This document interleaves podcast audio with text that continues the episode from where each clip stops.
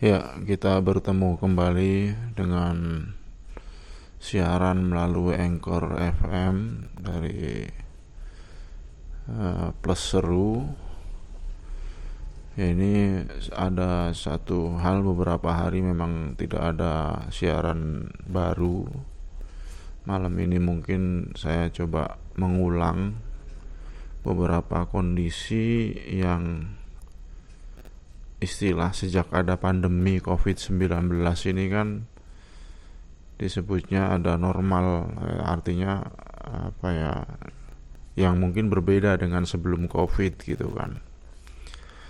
Tapi kalau bicara ekonomi sebenarnya ada masa-masa ketika secara umum kita ini sudah di dunia lain yang berbeda dengan dunia ekonomi puluhan tahun sebelumnya ya. Karena ada kasus cukup sistemik di balik angka-angka korupsi misalnya itu juga tercermin bahwa mata uang di banyak negara itu secara nominal itu udah udah sulit mencari ekuitasnya dengan dengan faktor-faktor ekonomi yang lain misalnya alat produksi tenaga kerja atau perusahaan dan seterusnya gitu kan. Jadi artinya ada uang dalam nominal yang begitu fantastis misalnya sehingga gimana nih untuk keseimbangannya dengan barang bagaimana? Dengan apa namanya komoditas gitu kan.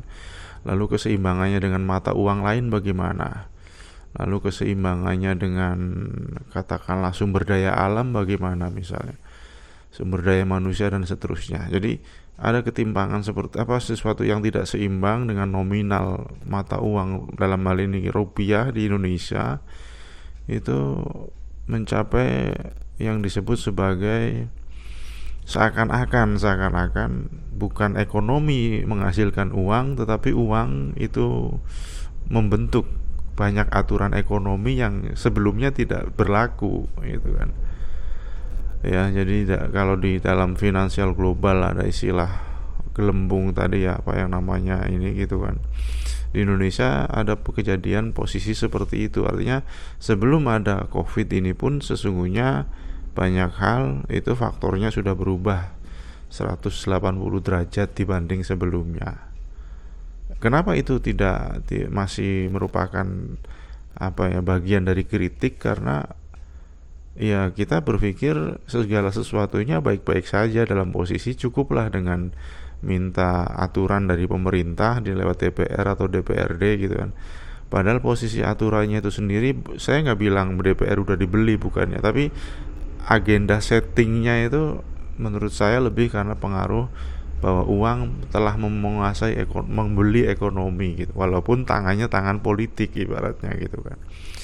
Nah ini tentunya sesuatu yang, yang saya bilang uh, menjadi bagian kedua dari depresi ekonomi ya sejak 98 berlarut-larut begitu kan.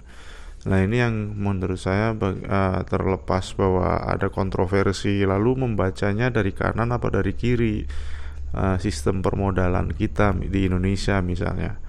Nah ini yang mungkin saya kira juga yang namanya juga situasi baru gitu kan barangkali beberapa kutipan lama itu juga sudah tidak memadai lagi istilahnya misalnya soal posisi buruh misalnya gitu kan.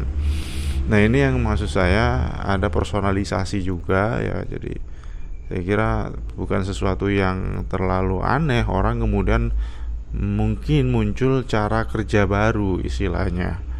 Cara kerja baru yang itu entah karena lebih uh, bisa menghasilkan atau karena lebih bisa apa dilakukan dengan sambil apa ya ber, apa mengikuti politik misalnya gitu kan Nah itu yang menurut saya menjadi sebelum ada covid dunia kita ini sudah dunia yang berbeda. Di samping faktor keamanan juga tentunya banyak hal mengenai terorisme kemarin misalnya Itu juga membentuk situasinya sudah berbeda dengan beberapa tahun sebelumnya Atau apalagi dibandingkan dengan ketika Soeharto masih berkuasa. Sehingga ya seandainya pun kita menghormati Soeharto tapi kan ya kita juga harus melihat juga faktor-faktor yang sudah berubah begitu ya jadi itu plus seru kali ini. Semoga bisa menjadi tambahan yang mem, apa ya ya sedikit banyak bisa menjadi cara pandang yang lebih sehat begitu